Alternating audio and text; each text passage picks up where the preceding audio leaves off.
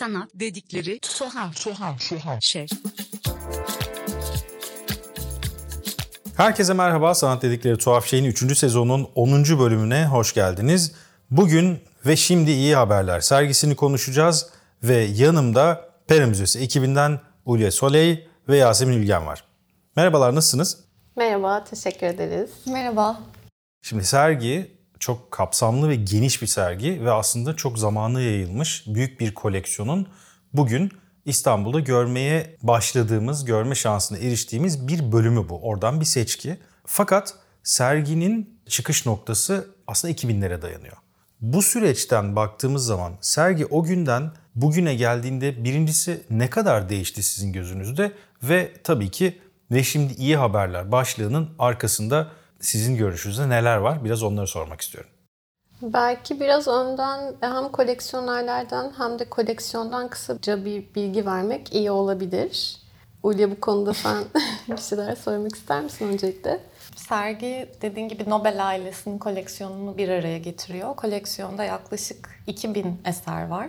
Sergide ise e, bunların 300'e yakınını İstanbul'a getirme fırsatımız oldu. Christoph Doswald küratörlüğünde gerçekleşiyor sergi. Christoph uzun zamandır aileyle çalışan bir küratör. Dolayısıyla koleksiyonu çok iyi tanıyan e, ve serginin hikayesini yazan kişi aslında.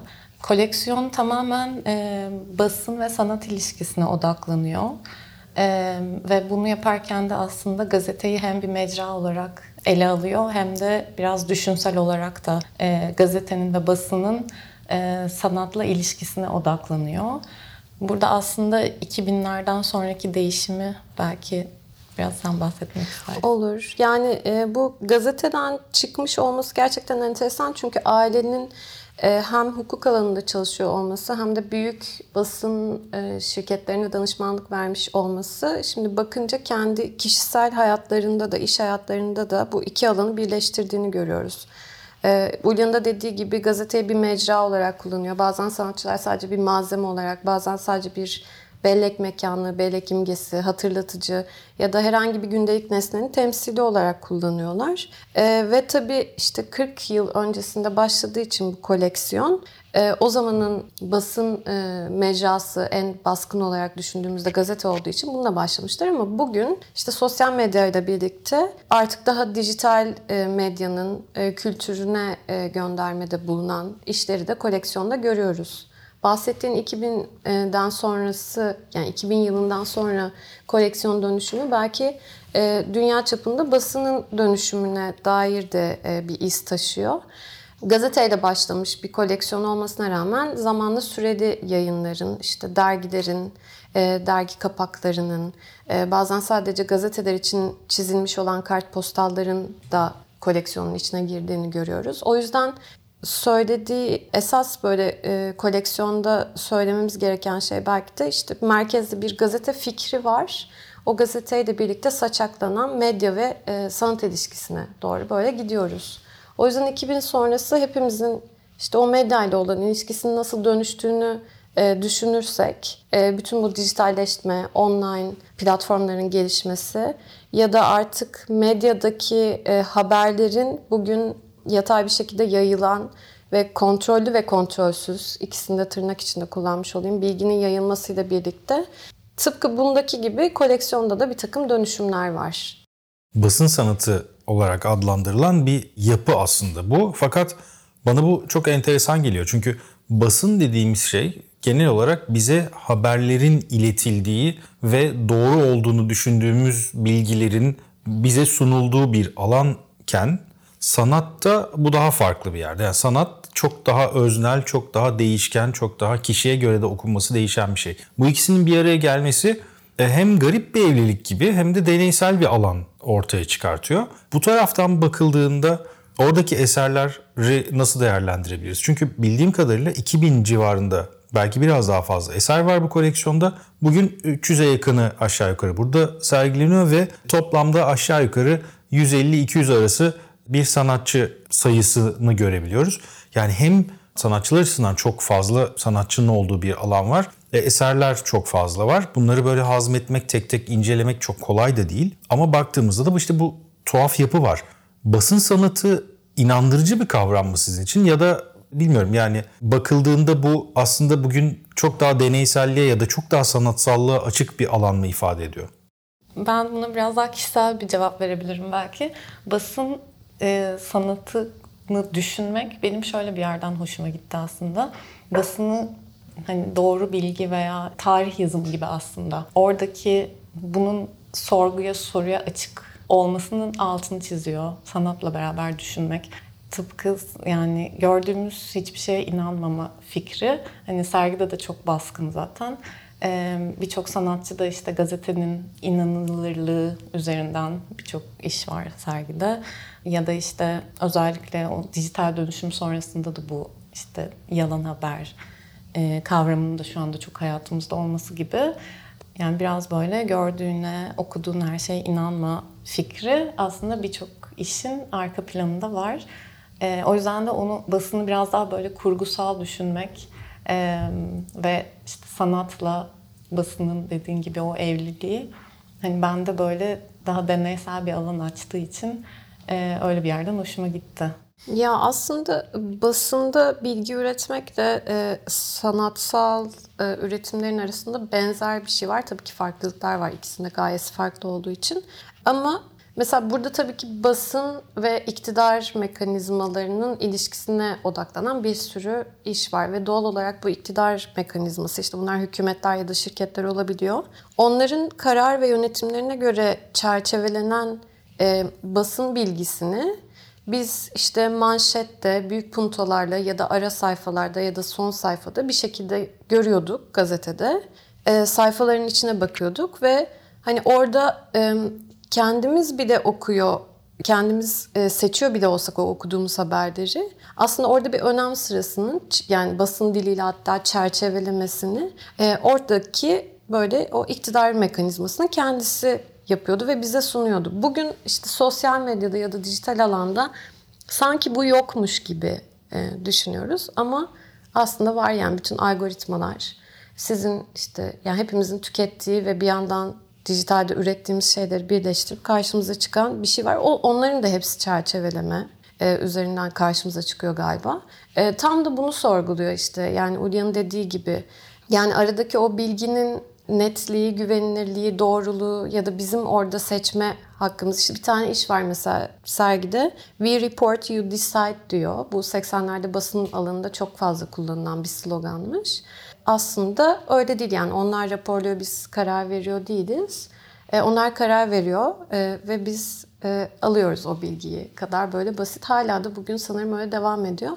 O yüzden o basın alanındaki üretimin çerçevelenmesiyle daha sonrasında sanatsal bağlamda bunların ele alınması ve yorumlanması bu sergi ve koleksiyonu ilginç hale getiren öğelerden, durumlardan bir tanesi diye düşünüyorum ben de. Benimki de kişisel bir cevap oldu galiba. Zaten aslında biraz bu tarz konularda ya da böyle bir sergi bağlamında biraz daha kişisel okumaları açık bir konuşma olması daha iyi olacak diye düşünüyorum. Çünkü ne olursa olsun burada eğer bunu kişisel bir bakış açısını almazsak aslında serginin de biraz eleştirdiği şeye doğru gideriz gibi bir durum var. Bu taraftan ben de ilerlemeye çalışıyorum şu anda. Ben de sizle beraber biraz e, bir düşünce egzersizi yapmaya çalışıyorum. Belki dinleyenler için de böyle bir şey olması söz konusu olacaktır. Umarım tabii böyle olur. Bir taraftan da şu var. Yani biraz önce ikinizin de söylediği şeyden bir eklemeyle devam edeyim belki. Bir tarafta da işte bütün bu haberin doğru mu, değil mi, haber mi, bilgi mi olduğunu düşünürken işlerin ne kadar iç yüzünü bilip bilmediğimiz de belli olmadığı için bu bir paranoyaya da çıkabiliyor. Bu defa her şeye tamamen inanmak gibi bir boş vermişlik ya da hiçbir şeye inanmamak gibi bir büyük paranoya içine de girebiliyoruz. Yani burada aslında belki o editörlüğün, haberin hem sunuş şeklinin hem toplanma şeklinin hem de aktarılma şeklinin bir önemi var. O bağlamda belki sergiye geri dönecek olursak buradaki eserler yani buradaki işin artık bir sanat nesnesine dönüşmesi, sanat eserine dönüşmesi bu tarz bir editoryal duruma karşı bir muhalif duruş olarak algılanabilir mi? Bence kesinlikle algılanabilir. Çoğu eserde o e, şey hissediliyor. O baş kaldırı. E, işte mesela bir gazetenin sayfasını e, alıp manipüle etmek ve tamamen bambaşka bir e, yani hiçbir zaman manşete çıkmayacak bir e, haberi haber yapan e, kocaman bir gazete sayfası görüyoruz mesela.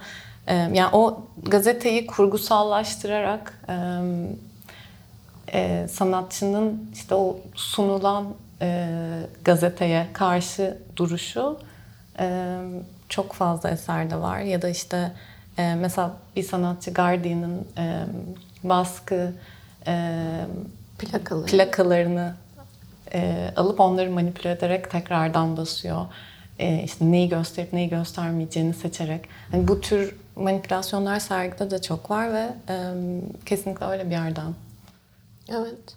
Yani güncel sanatta e, gündelik nesnelerin aslında temsil olarak kullanılma durumu da bu sergide çok karşımıza çıkıyor. Yani sadece gazetenin kendisine bir karşı çıkıştan ziyade orada bir işte iktidar mekanizmasının bir e, aracı var. Yani çok şey temsil ediyor gazete işte. E, hatta sergideki diğer işlerde de görüyoruz. Yani bazen bir haber alanı olabiliyor. Bazen gündelik kullanımda işte çok fazla karşımıza çıkan bir nesne haline de gelebiliyor. Ya da fotoğraf kısmı var mesela. E, orada siyah beyaz fotoğrafların daha geçmişte üretilmiş olanların. Orada mesela aslında herhangi bir yerde karşımıza çıkamayacak gündelik e, hayatın detaylarını gösteren bir mecra e, olarak karşımıza çıkıyor. Ama burada evet Ulya'nın dediği gibi o mecranın kendisine yani gazetenin üzerine yapılan manipülasyon aslında onun temsil edildiklerine karşı yapılmış bir e, müdahale veya karşı çıkış gibi çıkıyor karşımıza sergide de. Çoğu işte. Zaten hani biraz küratörlük dediğimiz alan da aslında o editoryal sürecin bir parçası ve bir noktada o bilgiyi ya da söylemi biraz yönlendiren bir yapıda. İşte bu yüzden belki serginin başlığına biraz gelmek istiyorum. Ve şimdi iyi haberler. Yani bugün özelinde düşündüğümüz zaman çok ihtiyacımız olan bir başlık gibi duruyor. Biz bunu duymaya biraz istiyoruz gibi geliyor. Çoğunlukla işte pandemi yaşadık. Üzerine bir sürü ekonomik problem yaşanıyor bütün dünya tarafında. Yani bir, bir ciddi kriz var. Bu krizler bitmiyor. Periyodik olarak devam ediyor. Bunların da kapitalist ya da neoliberal söylem içinde bir gerekliliği olduğunu da düşünüyorum kendi tarafımda. O yüzden o krizler bitmeyecek ama biz bir sürekli böyle iyi haber duymak istiyoruz. İyi haber duyduğumuz zaman daha mutlu olacağımızı düşünüyoruz. Ve sonra küratörün bu koleksiyon için bulduğu başlıkla karşılaşıyoruz. Bu da tabii politik bir söylemin bir parçası olarak gözükecek doğal olarak ama siz bunu nasıl yorumluyorsunuz? Ya bu biraz şu mu daha doğrusu? Bugün internette çok karşılaştığımız o clickbait dediğimiz hikaye yani çok iyi bir başlık koyalım insanlar buna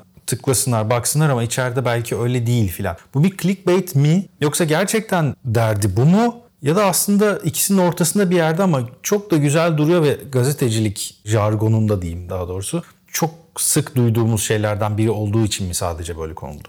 Bir şey söyleyeyim mi bunu?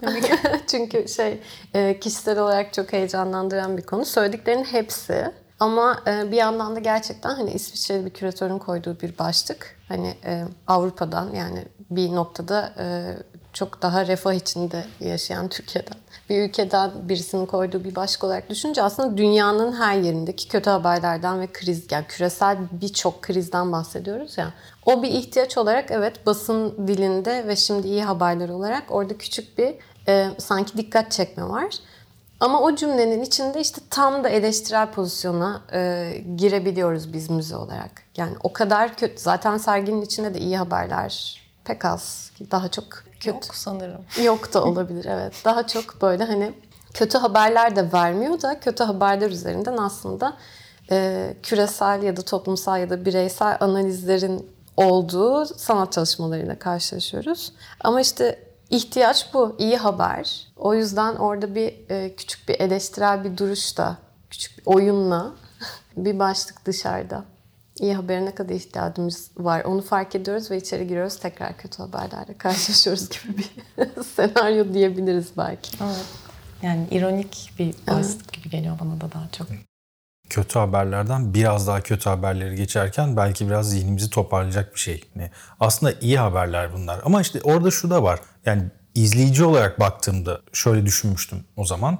Evet şimdi iyi haberler ama aslında evet çok da iyi haber değil. O halde ben mi buna bir iyilik atfederek geziyorum kendi kafamda ve şunu mu söylüyorum acaba? Evet ama sanat burada sanatsal duruş öyle bir muhalif pencere açıyor ki ben artık bunu iyiye yoruyorum ve işte bak ironiyle bunlar söyleniyor mu diye düşünmeye başladım. Ama sonra da acaba bu benim fazla okumam mı, böyle de bir şey yok mu diye düşündürdü. Bunun bir sonuca çıkması önemli değildi. Yani serginin düşündürmesi önemliydi benim için. Zaten orada da işlevini bence yerine getirmiş olan bir sergi oldu. Kendi kafamda sorduğum şeylerden bir tanesi şuydu. Bu sergi aslında 2000'de başlamış. 99-2000 civarında başlamış bir süreci bize gösteriyor. Yani ilk bunun kataloglanması o döneme geliyor.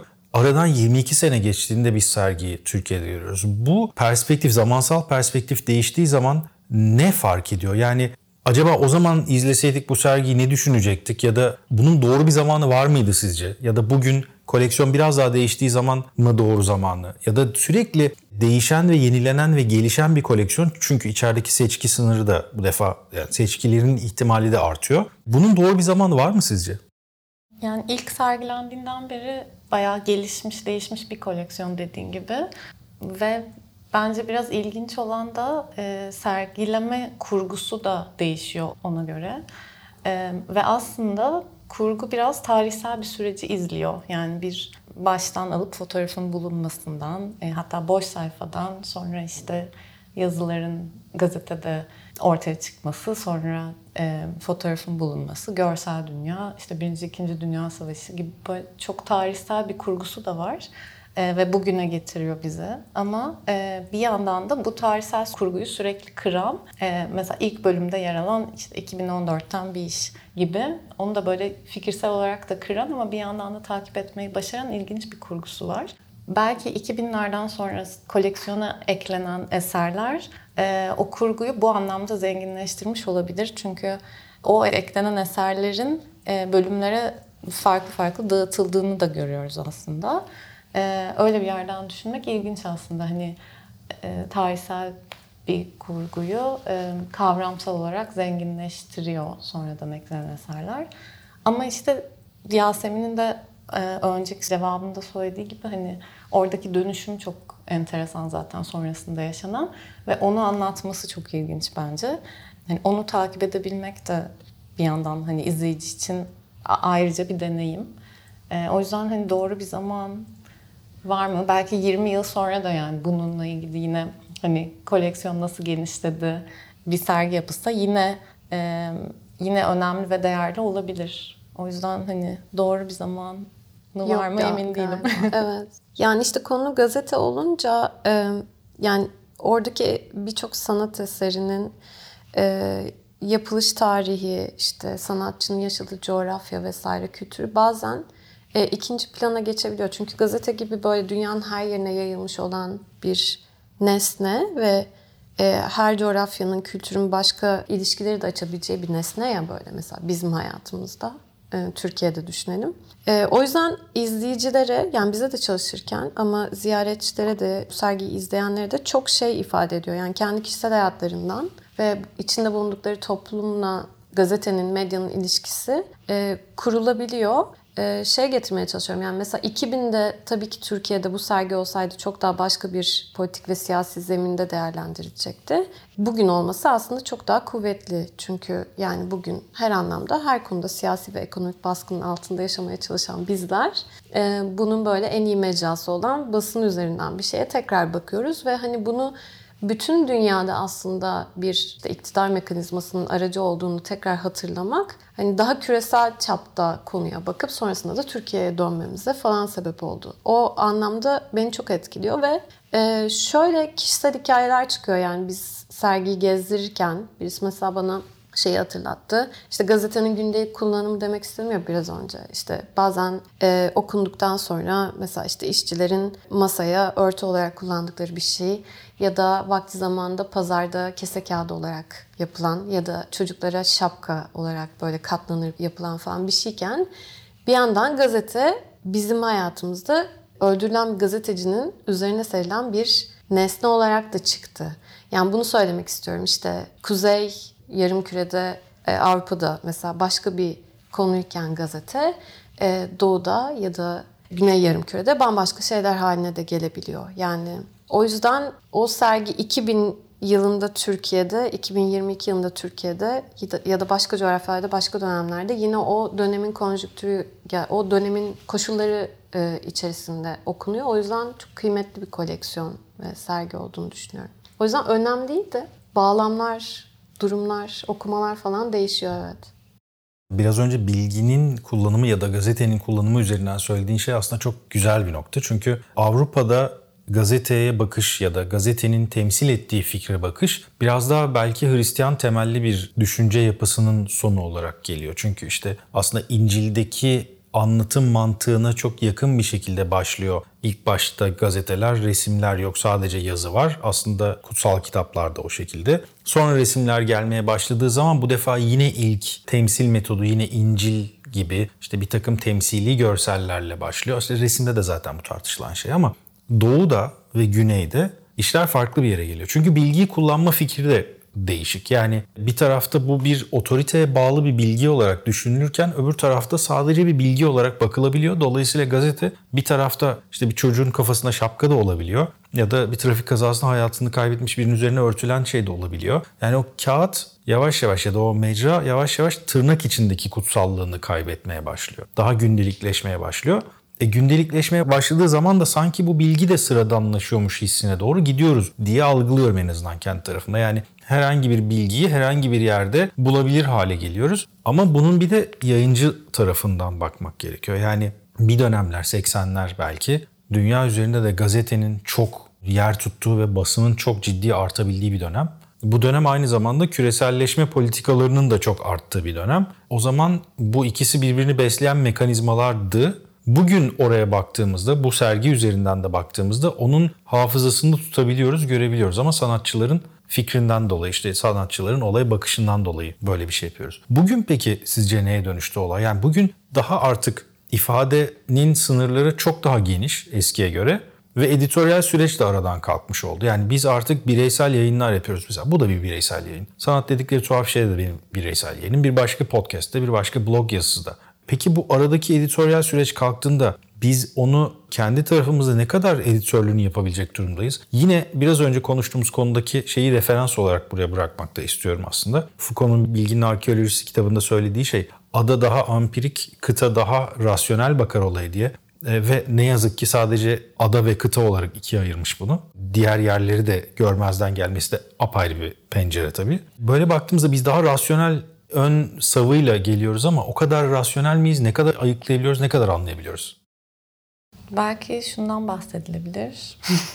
yani aslında şu andaki bu bilgi akışında ve işte e, sosyal medyada, internet üzerinde ya da yani nereden takip ediyorsanız e, başka platformlar da var tabii ki. Bunların üzerinde de bir editoryal bir süreç var. Yani e, kişisel Facebook feedinizde bile editoryal bir süreç var. O yüzden aslında çok da dışına çıkabilmiş değiliz gibi hissediyorum. Yine e, görüşüne yakın olduğumuz e, kaynağı takip etmeyi tercih ediyoruz. O kaynak üzerine bize başka kaynaklar öneriliyor ve onlar benzer kaynaklar oluyorlar. O yüzden yine aslında bütün bu bilgi havuzu içinde e, görmek istediğimiz şeyi görüyoruz biraz. Yani bu belli bir gazeteyi almaktan çok farklı bir yere götürmedi bence. Evet. Yani daha fazla tırnak içinde kullanmak lazım herhalde. O bilgiye e, erişebiliyoruz. E, ama burada mesela sergideki sanatçılardan bazılarının da konu edindiği bir tanıklık hali var. E, o da işte zaten küreselleşmenin başlamasıyla teknolojinin işte gelişmesiyle her daim dünyanın her yerindeki bazen çok sıradan, bazen çok sert, bazen de küresel anlamda çok ciddi etkilere sebep olacak bilgilere sürekli erişebiliyor olmamız ama aslında maruz kalmamız ve doğal olarak tanıklık hali. Yani bu e, sosyolojik anlamda da toplumların davranışsal kodlarını falan da çok değiştiriyor. Yani işte o mücadelenin biçimlerini falan da dönüştürüyor. Çünkü etkisiz hissediyorsunuz ve yani o küresel tanıklık halinde çok küçülebiliyorsunuz. Yani biraz konuyu saptırmış oldum ama e, yine de işte o şey, Uli'nin dediği şey doğru yani. O takip ettiğiniz ideolojiye, kendi ideolojinize yakın olan basın organlarının yayınlarıyla şu an sosyal medyada veya dijitalde e, eriştiğimiz şeyler algoritmalarla yine aynı çerçeveleme içinde. Ama daha fazla şeye işte maruz kalıyoruz. E, oradaki tanıklık beni e, ürkütüyor. Yani hatta Hirschhorn'un işi miydi o fotoğraflarda? Yani sosyal medyadaki o hızlı kaydırma hızlıymış çünkü işte beyin orada serotonin salgılıyormuş zaman hızlı geçtiğini zannedip falan ve siz o yüzden böyle devam ediyormuşsunuz. Mesela bunlar falan çok ürkütücü şeyler ya. Ama orada işte çorba tarifinden kedi videosuna sonra Ukrayna Savaşı'ndan işte bilmiyorum küresel iklim yıkımının işte sebep olduğu bir takım e, böyle doğal felaketlerine falan. E, böyle çok hızlı bir sürü şeye tanıklık ediyoruz ve sonra böyle o kendi seçtiğimiz ya da başkaları tarafından çerçevelenen bilgilerle bir şeyler değişiyor. Yani onun tabii şey uzmanı biz olduğumuz için bir şey değil Ben kişisel olarak değiştiğini e, bizzat e, hissediyorum. Yani Konuyu biraz dağıtmış olduk sorduğun soruyu galiba. Hayır aslında çok iyi de bir yere bence gidiyor. Çünkü buradan benim bağlamaya çalıştığım şey de şuydu. Yani biz ne olursa olsun o editoryal pratikler ya da editoryal sistem içinde ilerlediğimizi düşünürken çok ilerleyemiyoruz. Ama bir taraftan da ilerlediğimiz algısını daha özgür olduğumuzu düşünürken aslında bizi belki daha da konservatif bir hale getiriyor. Ve böyle baktığımızda da kelimenin hem Türkçedeki hem İngilizce'deki anlamına bakınca yani baskıdan bahsediyoruz. Orada press yani baskı ama bu iki anlamlı ve orada da iki anlamlı. Bu ikisinin bu şekilde çıkmış olması bile tuhaf ve tesadüf gibi geliyor ve biz aslında bu defa o baskıyı kendimiz yapar hale geliyoruz. Yani bir tür otosansüre ya da işte kendi dünyamızı biraz daha daraltmaya, sadece konfor alanımızdaki düşünceleri takip etmeye başlıyoruz. O zaman aslında editoryal süreçte kendi içinde yıkılmaya doğru gidiyor. Sergide bunu ben iki şekilde görüyorum kendi kafamda. Birincisi ki bence serginin en önemli parçalarından bir tanesi o girişteki yazı. Yani sergi adının yazıldığı alanda buradaki baskı jargonundaki klişelerin, metal kalıpların gerçekten kullanılarak oluşturulduğu o görsellik bence çok önemli bir anıt gibi duruyor orada. Çünkü bunun ne kadar iki taraflı olabileceğini işte hani oradaki o negatif pozitif mantığı işte aslında harflerin ters durduğunda farklı bir şekilde çıkması, bunların metal ve gerçekten değişmez kalıplar olduğu, aralarındaki boşlukların bile ayarlandığı gibi bir takım özellikleri bir yana, öteki taraftan da serginin içindeki bütün eserlerin birer sanat eseri olması. Yani bir taraf kalıplar, bir taraf o kalıpların üzerine yapılan bir noktada belki yeni kalıplar ama bir noktada da çoğunlukla da o kalıbı kıran şeyler var. Böyle bakıldığı zaman bu serginin içeriği daha da bana anlamlı gelmeye başlıyor. Daha da oturuyor. Buradan belki hani ilerlenilebilir. Yine sanat eserinin dönüştürücü tarafından bir şey sormak istiyorum aslında. Bütün bu eserleri incelediğiniz zaman aklınıza şu geliyor mu? Aslında biraz önce konuştuğumuz şey ama yine burada kayıt altında sormak istediğim şey bu. Burada koleksiyonerlerin insan olarak tavrını ne kadar görüyoruz içerideki eserlerin bir araya gelmesinde? Çünkü e, aslında o kadar da tutarlı gibi değil her şey. Bir noktada bazen o içeriye çok yaklaşmayan, belki oradan biraz uzaklaşan fikrin elbette onunla ilgili ama fikrin birazcık dışına çıkıp dönen işler de mutlaka var. Orada da işte editoryal süreci nasıl görüyoruz? Biraz karışık ama nasıl anlatacağımı da çok bilemedim açıkçası. Yani sanki bir e, nesne ve mecra olarak gazeteyi seçmişler e, bu koleksiyonu toplamaya başladıklarında. Sonra koleksiyonda olan sanat eserleriyle birlikte o gazete bir bağlam haline gelmiş ve o bağlamla birlikte saçaklanan çeşitli kavramlar işte sosyal medya, iktidar, cinsiyet, işte kültürler savaşı falan gibi böyle birçok konuya e, açımlanan bir şey haline gelmiş diye düşünüyorum. Çünkü bazı eserlerde e, gazetenin kendisini e, görmüyoruz ama fikri var ya da söylemi ya da basından yani o medyadan daha uzak şeyler var. Ne dersin? Bence de öyle. Bir yandan da e, böyle koleksiyonerlerin politik duruşunu da görüyoruz bence. O böyle çok net hissediliyor. E, bunu yapabilmiş olmaları da ilginç aslında. Ama bir yandan burada da şöyle bir yanlılık olabilir diye düşünüyorum şu anda.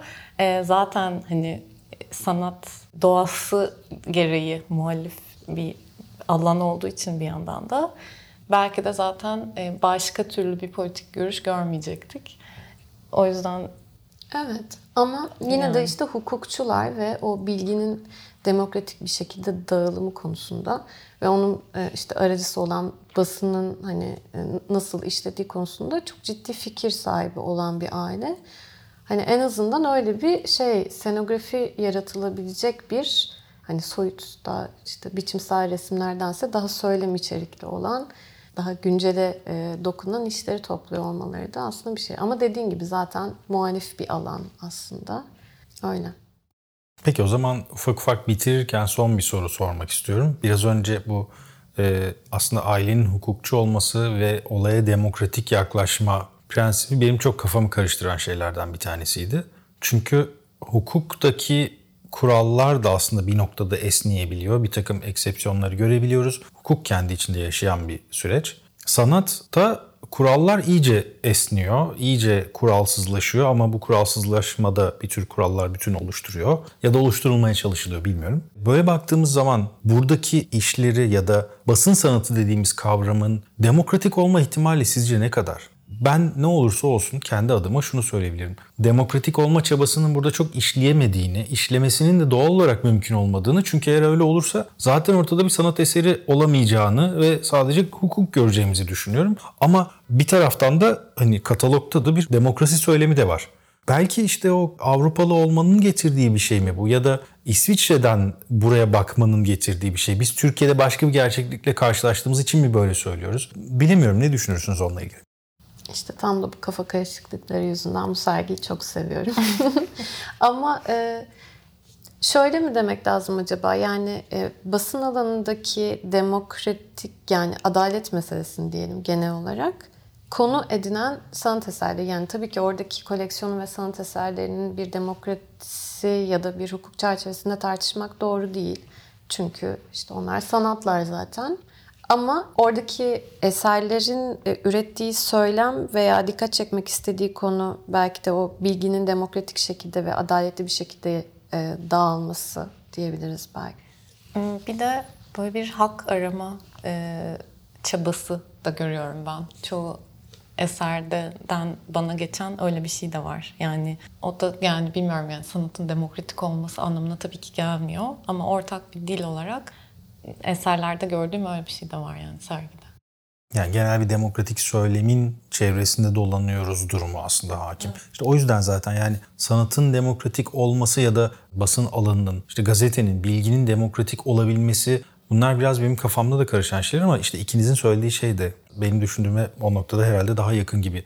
Sanatın kendisindense bilginin demokratik olmaya çalışması ve oradan da farklı alternatifleri açmak gibi. Görüyorum ki bu sergi bunu zaten çok iyi yapabilen bir noktada. Çünkü bugün burada bunları bu kadar soruyla konuştuk. Aslında çok daha uzun konuşulabilecek bir alandayız. Ama işte biraz da bunu bir küçük paket halinde toparlayıp belki ileride olursa daha sonraki konuşmalar için bir zemin hazırlamak gerekiyordu. Dolayısıyla bugünkü programın ufak ufak sonuna gelirken ikinize de çok teşekkür ederim. Çok içten ve özellikle kişisel yorumlarla anlatmanız belki bu serginin bakış açısına dair dinleyenler için de farklı perspektifler açacaktır.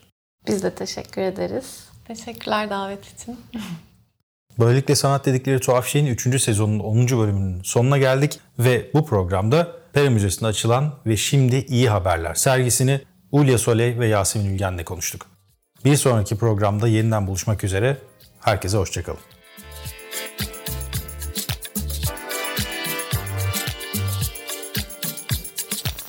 Tuhaf, tuhaf, tuhaf, tuhaf, tuhaf.